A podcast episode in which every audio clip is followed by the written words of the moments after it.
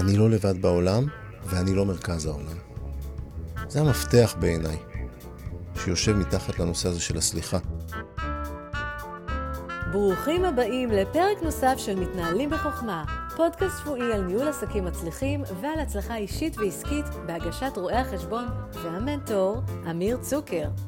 בין אם אתם עושים את צעדיכם הראשונים ובין אם אתם בעלי ותק רב בעולם העסקי, תקבלו כאן ערך מוסף משמעותי לניהול העסק שלכם. מיד מתחילים. בוקר טוב. אהלן חברים, בוקר טוב. יום רביעי, תשע בבוקר, מתנהלים בחוכמה, והיום אנחנו בערב כיפור, ואיך לא, הנושא שלנו יהיה סליחה. ואי אפשר בלי לחבר דברים לקטע העסקי, כי אנחנו בתוכנית שבסוף רוצה לעזור לנו להתנהל בחוכמה, גם בעסקים, גם בהיבט האישי, כי עסקים זה אנשים. אבל בהחלט לגמרי בעולם העסקי, והיום ננסה לדבר על החיבור הזה של סליחה ועסקים. יש כזה חיבור, אין כזה חיבור, זה מתחבר ביחד, לא מתחבר ביחד, באיזה אופן זה מתחבר. בקלאבהאוס דנה קודם זרקה לי משהו, אני לקחתי דווקא את הרעיון לדבר על התוכנית לכיוונים אחרים, וזה רק אומר שלכל אחד יש דברים אחרים בראש. וכל הדעות נכונות וכל הדעות טובות, והכול לגיטימי והכול בסדר. והיום באמת אה, נשים אה, איזושהי תוכנית ככה יותר... אה, היא תיגע יותר באופן טבעי בקטע של ה mindset והדברים האלה, כי, כי משם מגיעה הסליחה. קודם כל אני רוצה להגיד תודה לכל מי שמאזין לנו, גם כאן ב live, בקלאבהאוס, בפייסבוק וגם בהקלטה. היום זה בהחלט יום מיוחד עבור הרבה מאוד אנשים.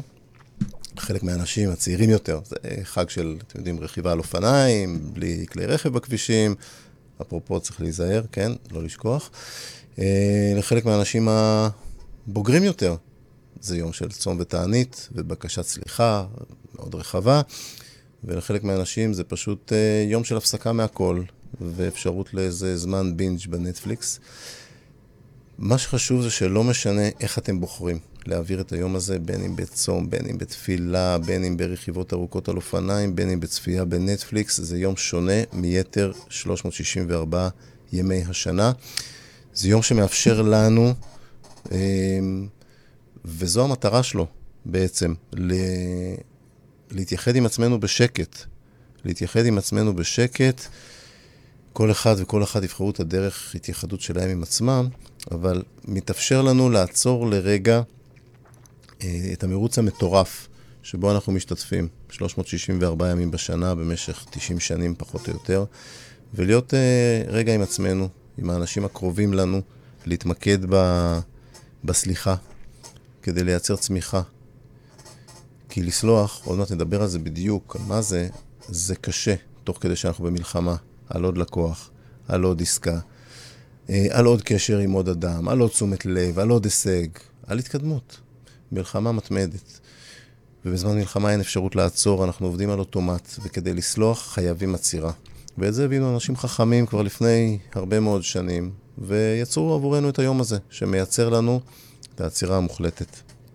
ובאמת את הפרק הזה, את הפרק הזה שמתנהלים בחוכמה, אני רוצה להקדיש לנושא שאנחנו פחות מדברים עליו ברוב הפרקים של הפודקאסט הזה. אבל ביום המיוחד הזה בחרתי להקליט פרק מיוחד כזה, ואת הפרק הזה אני אקדיש לצמיחה מתוך סליחה. לצמיחה שלא יכולה לקרות בלי סליחה. אתם יודעים, אומרים שאדם יכול לתת לאחרים רק מה שיש לו. כדי לתת אהבה ולאהוב אחרים, אנחנו חייבים שתהיה לנו אהבה בפנים קודם כל, לאהוב את עצמנו. כדי לתת חמלה לאחרים, אנחנו חייבים שתהיה לנו חמלה פנימית. כדי לתת כסף לאחרים, אנחנו חייבים שיהיה לנו כסף. כדי לתת הקשבה, להקשיב לאחרים, אנחנו חייבים שתהיה לנו יכולת הקשבה. כדי לסלוח לאחרים, אנחנו חייבים שתהיה לנו סליחה, במרכאות, פנימית. אבל עם כסף או חמלה או הקשבה, אנחנו יכולים לתת על הדרך, תוך כדי, אה, תוך כדי המלחמה על ההתקדמות היומיומית, סליחה אי אפשר, כי סליחה היא משהו עמוק יותר, וכדי לייצר את הסליחה הפנימית, שרק כשתהיה לי אותה אני אוכל באמת לסלוח לאחרים, כדי לייצר את הסליחה הפנימית הזאת, אנחנו חייבים לחדור עמוק. היא לא נמצאת ככה על פני השטח, היא מתחבאת עמוק, וכדי לחפור לעומק צריך את אותה עצירה. אבל אולי בכלל מיותרת ולא חשובה, הסליחה? מי אמר שהיא כזאת קריטית? אז אה, שאלו אותי, וזו שאלה מעולה לדעתי, וזו שאלה ששווה דיון מעמיק, שיש עליו מן הסתם הרבה דעות. אני מניח שאולי בקלאבהאוס נספיק לעשות עוד היום איזשהו חדר פתוח על, ה, על הדבר הזה של עד כמה הסליחה באמת חשובה וקריטית. אה, אני טוען, ולקח לי זמן להבין את זה, שבלי סליחה אין צמיחה. במהלך השנים הבנתי שהצלחתי לייצר צמיחה, אה, שינוי, התקדמות, בעיקר בנקודות זמן שוויתרתי ושחררתי דברים אחרים, דברים שכבלו אותי כמו שרשראות לאיזה סלע. ועשיתי לא מעט שינויים בחיים המקצועיים שלי. אה, משכיר במשרדי ייעוץ שליווה מבחוץ חברות ועסקים ונתן עצות. עברתי לצד השני, לעולם האמיתי, כמו שאני קורא לו, לעולם העסקי. הייתי קרוב לעשר שנים סמנכ"ל כספים. גם בשנים האלה עברתי שלושה תפקידים שהיו שונים מאוד אחד מהשני, בתחום פעילות עסקית שונה, במבנה חברות שונה. אה, התפטרתי, יצאתי לעצמאות, פתחתי משרד לייעוץ וליווי עסקים, עברתי מעיסוק בעבודות כלכליות למיקוד בעולם של הטמעת מערכות מידע. עם השנים התחלתי להעביר הרצאות, התחלתי אפילו לכתוב הרצאות, כולל גם לאחרים. כל שינוי כזה דרש מצד אחד לקחת ניסיון ותובנות שצברתי ולעבור איתם לשלב הבא, ומצד שני זה דרש ויתור והשארה מאחור של דברים שכבר לא היו רלוונטיים יותר. וההשארה הזאת מאחור היא בעיניי חלק מהסליחה. והיא זו שמאפשרת את הצמיחה. אי אפשר להוסיף עוד ועוד מטען ומשקל לתיק שאנחנו סוחבים על הגב, אם נדמה את מה שאנחנו לוקחים איתנו, את כל המטען הזה של הידע והתובנות והניסיון, ככה לוקחים איתנו והולכים איתו ממקום למקום, ובאים איתו ופוגשים אנשים חדשים, ומציעים להם את כל מה שיש לנו בתרמיל, ואומרים להם, תראו, אנחנו יודעים ככה, ואנחנו יכולים לעזור לכם ככה, ואת כל הדברים האלה. אי אפשר להוסיף עוד ועוד מטען ומשקל לתיק על הגב, ולהמשיך לשעוט קדימה באותו קצב. זה לא עובד ביחד. אם אני מגדיל משקל על הגב, זה מאט. וכדי לצמוח, לרוץ קדימה בקצב מתגבר, אתם יודעים, כמו במבצע סבתא, מתחילים מהר, ואז מתחילים הכי מהר, ואז מגבירים. כדי לרוץ קדימה בקצב מתגבר, והיום עם כל השינויים שקורים בעולם מסביבנו, אנחנו חייבים לרוץ הכי מהר שאנחנו יכולים, אחרת אנחנו בבעיה בקטע העסקי. אז כדי לצמוח ולרוץ קדימה בקצב מתגבר, אנחנו חייבים לשחרר מהתיק חלק מהדברים. אנחנו חייבים להוריד קצת משקל של מטען שאנחנו סוחבים איתנו. וזה כולל מטענים פיזיים, וזה כולל מטענים רגשיים ומנטליים. איך מוותרים? איך מורידים את המשקל הזה? על ידי סליחה. לסלוח זה לוותר. לסלוח לאחר זה לוותר על התגובה שממש רציתי להגיב, להחזיר לו ולענות לו, אה, אה, להתעצבן עליו. זה, זה לוותר על הכעס הזה, זה לשחרר את זה לאוויר ולהתקדם. וגם לסלוח לעצמנו, זה לוותר ולשחרר. אנחנו שומעים כל הזמן מהרבה מנטורים, שכל אה, מה שקורה לנו בחיים נועד להוביל אותנו לאיזשהו, לאנשהו. לאיזושהי נקודה. זה נכון, אני, גם אני שמעתי את זה, ואני גם חושב שזה באמת ככה, שאנחנו צוברים ידע וניסיון כדי להגיע לעוד מקום שבו אנחנו מיועדים להיות.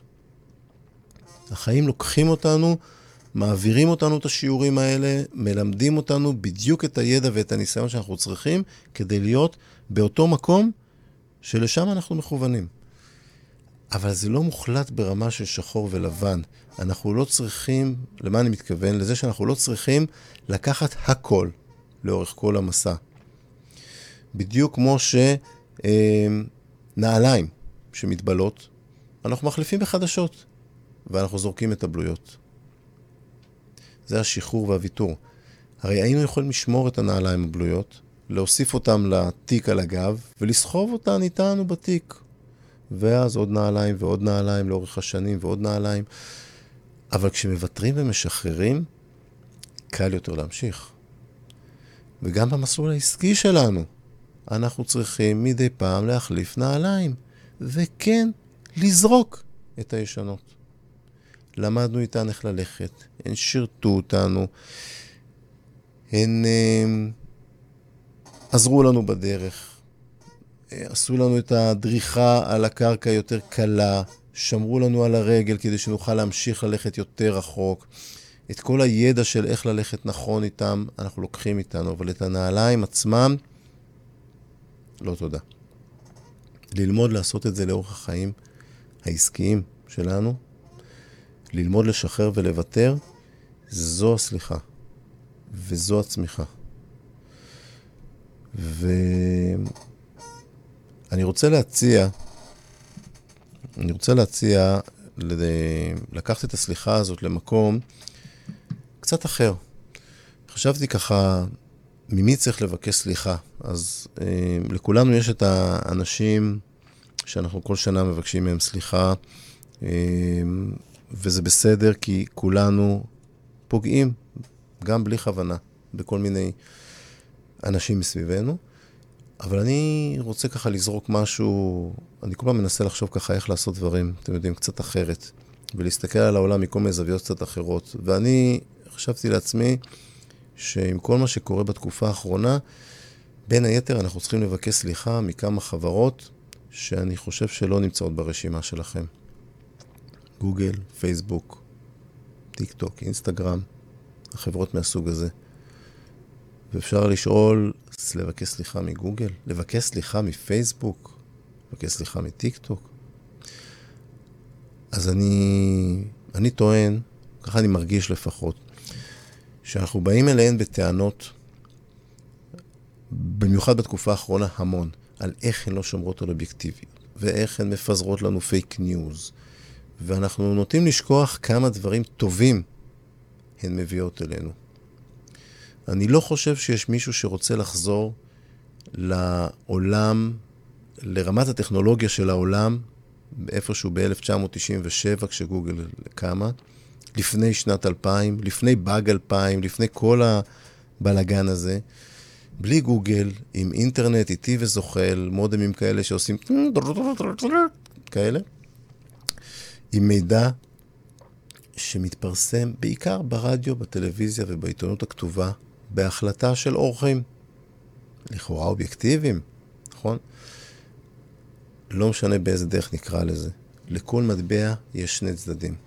אין טוב בלי רע. והמשמעות היומיומית של זה היא מאוד מאוד פשוטה. שכדי ליהנות ממשהו טוב, כמו אינטרנט מהיר, כמו מידע שמגיע ממקור ראשון במהירות, ללא עריכה, כמו אפשרות לאתר מידע ואנשים במהירות, כמו אפשרות לפתח קשרים עסקיים ככה, במהירות. כדי ליהנות מזה חייבים לשלם מחיר. וחלק מהמחיר כרגע הוא fake news.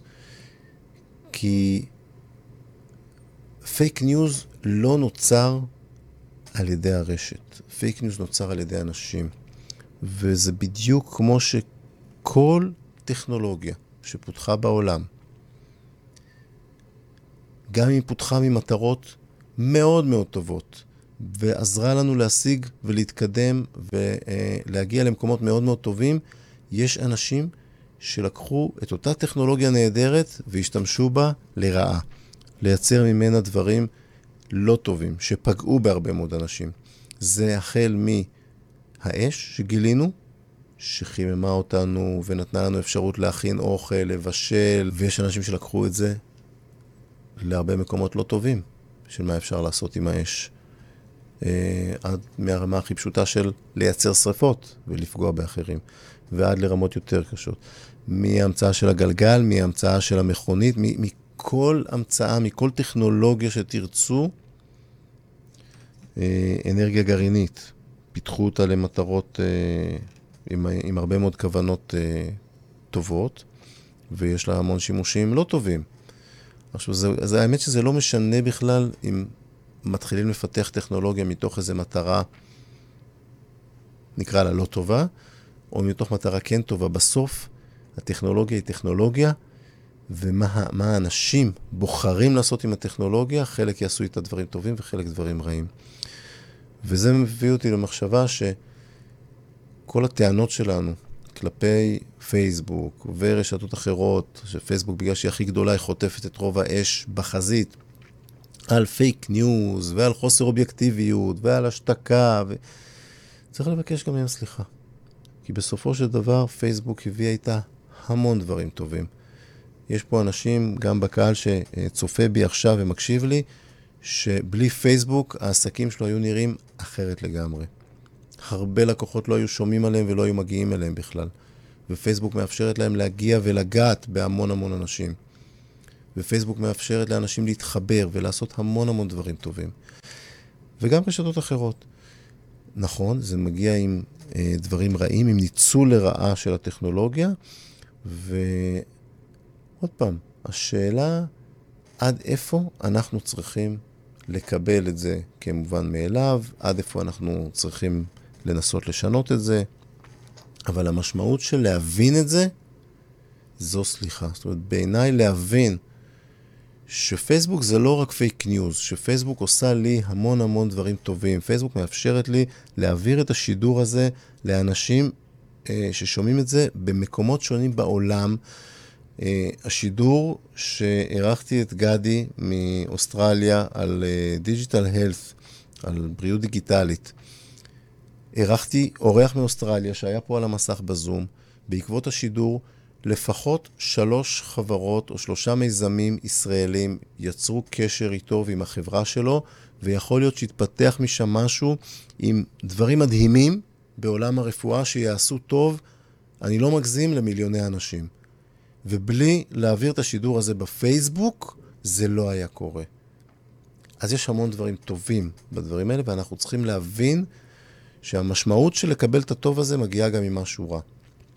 בעיניי, סליחה זאת ההבנה הזאת והקבלה של הרע יחד עם הטוב.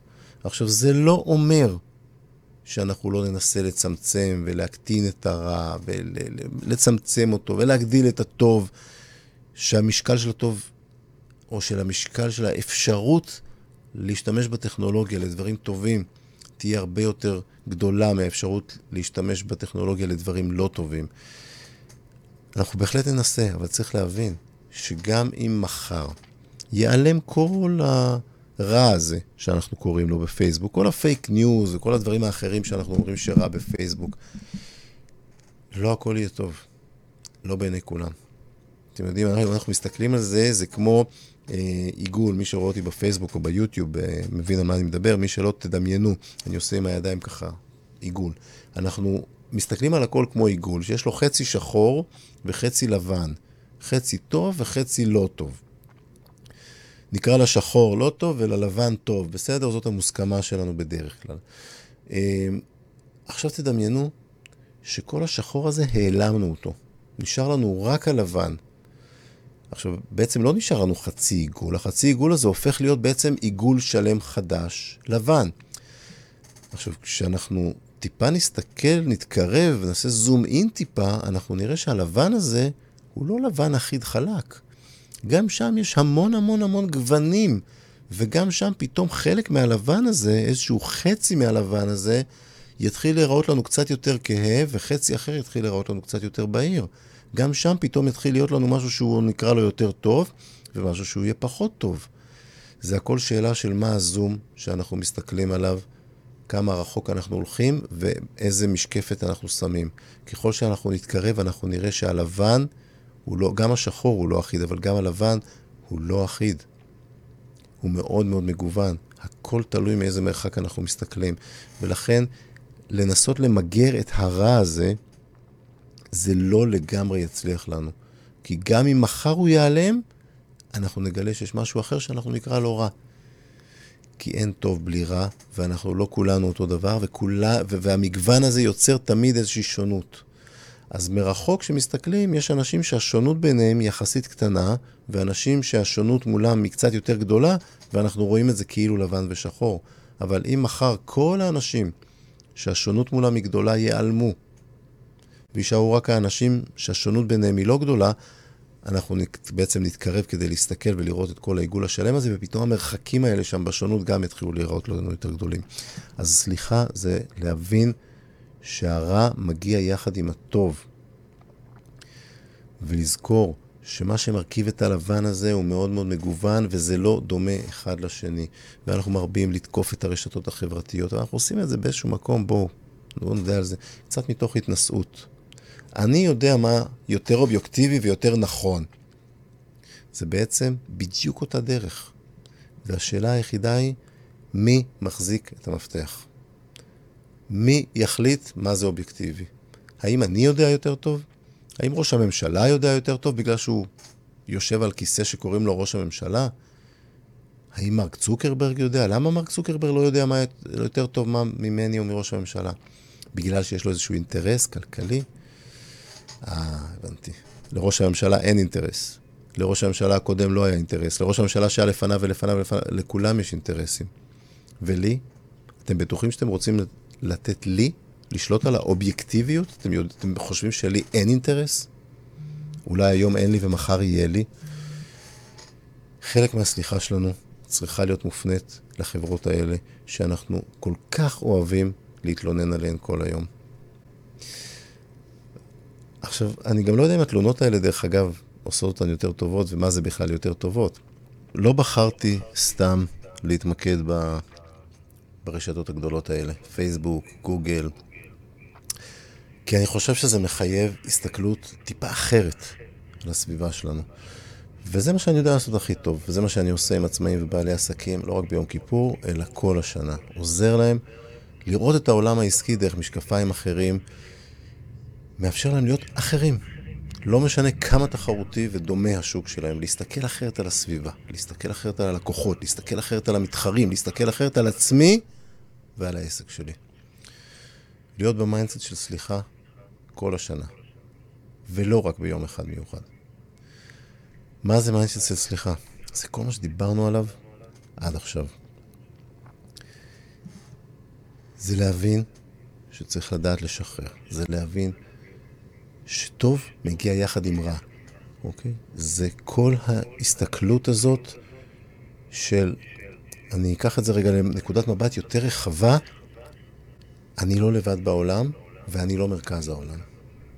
זה המפתח בעיניי, שיושב מתחת לנושא הזה של הסליחה. מי שרואה רק את עצמו וחושב שהוא או היא, שאתם, אם אתם חושבים שאתם מרכז העולם והכל סובב סביבכם, סליחה, היא תהיה משימה מאוד מאוד קשה עבורכם. ולא משנה באיזה מילים תשתמשו ועם מי תדברו, בפנים, מבפנים, לא תבוא באמת סליחה. כי כדי לסלוח, אני חייב להבין קודם כל שאני חלק מקבוצה יותר רחבה. אני חייב להבין שאני לא לבד בעולם, ושהעולם לא סובב סביבי. שיש דברים שהם מאוד מאוד חשובים לי, שאני חייב שיתחשבו בי, ויש דברים, כן, אבל העולם לא מסתובב סביבי. יש עוד אנשים בעולם, גם להם יש מרכז מאוד מאוד חשוב, להם, ומערכת יחסי הגומלין בינינו, אם אני אבין שהיא קיימת, ואם אני אבין שהיא חשובה, כי אני לבד לא יכול להסתדר בעולם, אם אני מסתכל על עסק, עסק יכול להסתדר בלי לקוחות, בלי ספקים, בלי... אי אפשר. עסק חייב שתהיה לו סביבה עם עוד אנשים, הוא חייב שיהיו לו מערכות יחסים עם עוד, עם עוד גורמים מסביב. אחרת אין, אין עסק, אחרת זה אני לבד, אני לבד זה לא עסק.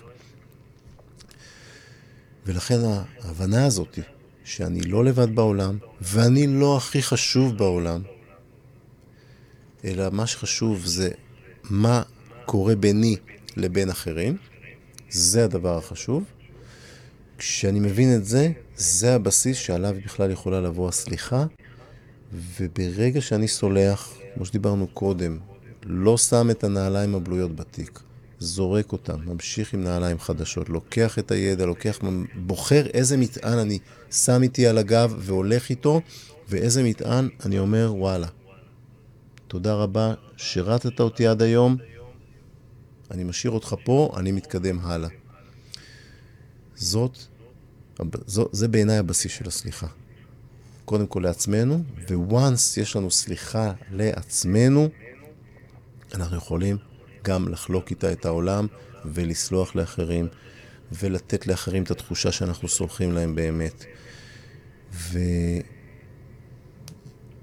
ושמתי פה איזה, כתבתי לעצמי איזה כמה מילים ככה בחרוזים שמסכמות את, ה... את ה mindset הזה של הסליחה, ואני רוצה לקרוא לכם את זה ממש כמה שורות קצרות. הסליחה זה לדעת לשחרר. סליחה זה לדעת לוותר. זה לא לענות ולא להתעצבן. זה פחות לא ויותר כן. זה לעצור באופן חד ולהסתכל על עצמנו מהצד. זה לבנות בסיס לצמיחה. זאת המהות של הסליחה. על הרקע המקסים של נקמת הטרקטור, ננסה לסכם אה, את הנושא הזה של סליחה ועסקים. אה, עד כמה אנחנו בכלל צריכים סליחה בעסקים? רגע, אני רוצה שגם, שגם נשמע קצת את נקמת הטרקטור ככה ברקע. עד כמה אנחנו באמת צריכים סליחה ועסקים? ואיך סולחים בעסקים? אז דיברנו על לשחרר ודיברנו על לוותר. מטען שאנחנו סוחבים איתנו, העולם משתנה, העולם רץ בקצב מטורף ואנחנו צריכים לרוץ איתו, וכדי שנוכל לרוץ איתו בקצב מהיר, אנחנו חייבים לסחוב על הגב רק את המטען ההכרחי ולא לסחוב את כל מה שצברנו בחיים. לשחרר, לוותר מתוך עצמנו, לסחוב איתנו פחות. באופן טבעי, חלק ממה שנשחרר ונוותר זה חלקים רגשיים וחלקים מנטליים של מחשבות שקשורות בהמון המון אנשים שאיתן היו לנו מערכות יחסים נעימות ולא נעימות. לסחוב את המערכות יחסים הלא נעימות איתנו לא יעזור לנו. לא יקדם אותנו לשום מקום. זה יישב לנו כמו איזה זיכרון כזה, ורק יתקע אותנו. בדיוק כמו אותה שרשרת שהזכרתי בתחילת השידור, שכאילו אני קשור לאיזה סלע עם שרשרת ואני לא יכול לזוז משם. אי אפשר להתקדם ככה. העולם בורח. ואם אנחנו ככה... אתם יודעים מה? אפילו בהיבט האישי העולם בורח, אבל אם אנחנו בהיבט העסקי, זה לגמרי לגמרי בורח. חייבים לשחרר את ה... לקטוע את השרשרת הזאת, לחתוך אותה עם גרזן, עם אבן, לא משנה עם מה בכלל. לחתוך אותה, להשאיר את החתיכה של השרשרת שקשורה לסלע, קשורה לסלע, ולכל השאר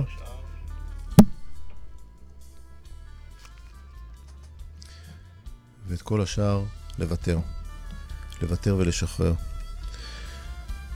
דיברנו על uh, הנושא של לוותר ולשחרר, ודיברנו על uh, הנושא של uh, כשאנחנו מייצרים את הסליחה בפנים, נוכל גם לסלוח לאחרים.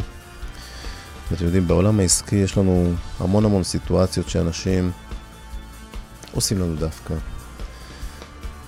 שמים לנו רגליים, עושים לנו כל מיני קטעים כאלה ואחרים. והחוכמה היא באמת להתקדם. וכדי להתקדם, אנחנו צריכים את הדבר הזה שנקרא סליחה, צריכים את הדבר הזה שנקרא צמיחה, ואי אפשר לצמוח בלי, בלי אותה סליחה. אמ, דיברנו, זרקתי את השאלה הזאת קודם, האם היא בכלל אה, חשובה הסליחה הזאת, אז אני, אני חושב שאת הדעה שלי שהיא חשובה, אה, הצלחתם להבין בשידור הזה. עוד פעם, לי לקח זמן להבין שבלי סליחה אני לא יכול לצמוח. עשיתי את זה אה, עם המון המון שינויים במהלך הדרך, ופשוט ראיתי איך זה אה, עוזר לי ואיך זה עובד לי. אז יש לנו את השחרור, ויש לנו את הוויתור. אה, ודיברתי על הנושא הזה של אה, לסלוח לכאלה שלא חשבנו לסלוח להם, כמו פייסבוק. אפשר לבקש סליחה מפייסבוק על כל הטענות הנוראיות שלנו, על ה fake news שלהם. ולהבין שהדברים שאנחנו כל כך כועסים עליהם, הם חלק מאותם דברים טובים שאנחנו מקבלים. אז להגביל את הכעס שלנו ולהגביל את המלחמה ולא להיות עסוקים רק בכעס, אלא קצת לשחרר וקצת uh, לתת יותר אוויר ל... Uh, נקרא לזה, לדברים הטובים שיש שם, ולנסות לעשות את הצמצום הזה, ולזכור שגם אם נחליט, גם אם נצליח מחר לצמצם את הכל, ונחשוב שאין יותר שום דבר רע, אנחנו נגלה שבתוך מה שקראנו לו טוב, חלקים ממנו יהפכו להיות גם קצת פחות טובים. אז תזכרו את כל זה, ותבקשו סליחה, גם מפייסבוק, זה בסדר. לגמרי לגמרי בסדר. ואני רוצה באמת להגיד תודה רבה לכל מי שהאזין וצפה, גם בפרק הזה וגם בפרקים הקודמים. תודה לכל מי שכתב תגובות, בעיקר בפייסבוק. תודה למי שב Clubhouse מצטרף ואחר כך אה, מפתח איתי את הדיון אחרי התוכנית. תודה לכל מי שהעיר והאיר, ותודה רבה אה, במיוחד לא, למי שלא רק נהנה ולקח תובנות, אלא גם העביר הלאה ושיתף חברים בתכנים הללו. אה, כמו כל הפרקים האחרונים, וגם חלק מהפרקים של העונות הראשונות, הפרק הזה יועלה לאפליקציות הפודקאסט ממש בימים הקרובים. בינתיים ניתן להקשיב לכל הפרקים הקודמים, גם ב Apple Podcast, Google Podcast, Amazon, Anchor, Spotify, בכל אפליקציית פודקאסט שאתם אוהבים להקשיב בה, וגם ביוטיוב. תקשיבו ותגיבו.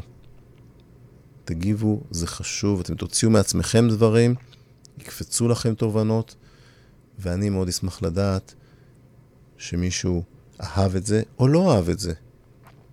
גם אם לא אהבתם את מה שאמרתי, גם אם אתם לא מסכימים עם מה שאני אומר, תגיבו. אני אשמח לשמוע דעות אחרות לגמרי. אם אני אסיים עוד פעם, ממש תקציר של מה זה ה mindset הזה של סליחה בעיניי. ועם זה אני אשלח אותי מסוף השידור הזה ואותכם אה, ליום כיפור לעשות את החשבון נפש שלנו עם עצמנו. סליחה זה לדעת לשחרר. סליחה זה לדעת לוותר. זה לא לענות ולא להתעצבן. זה פחות לא ויותר כן. זה לעצור באופן חד ולהסתכל על עצמנו מהצד. זה לבנות בסיס לצמיחה. זאת המהות של הסליחה. אני קודם כל רוצה לבקש אה, סליחה אם מישהו נפגע מתוכן כלשהו ששידרתי כאן, לא רק היום, באופן כללי בכלל. אם מישהו נפגע ממני ולא שמתי לב בכלל, אז אני באמת מעומק הלב מבקש סליחה. מעולם לא התכוונתי לפגוע במישהו באופן מכוון.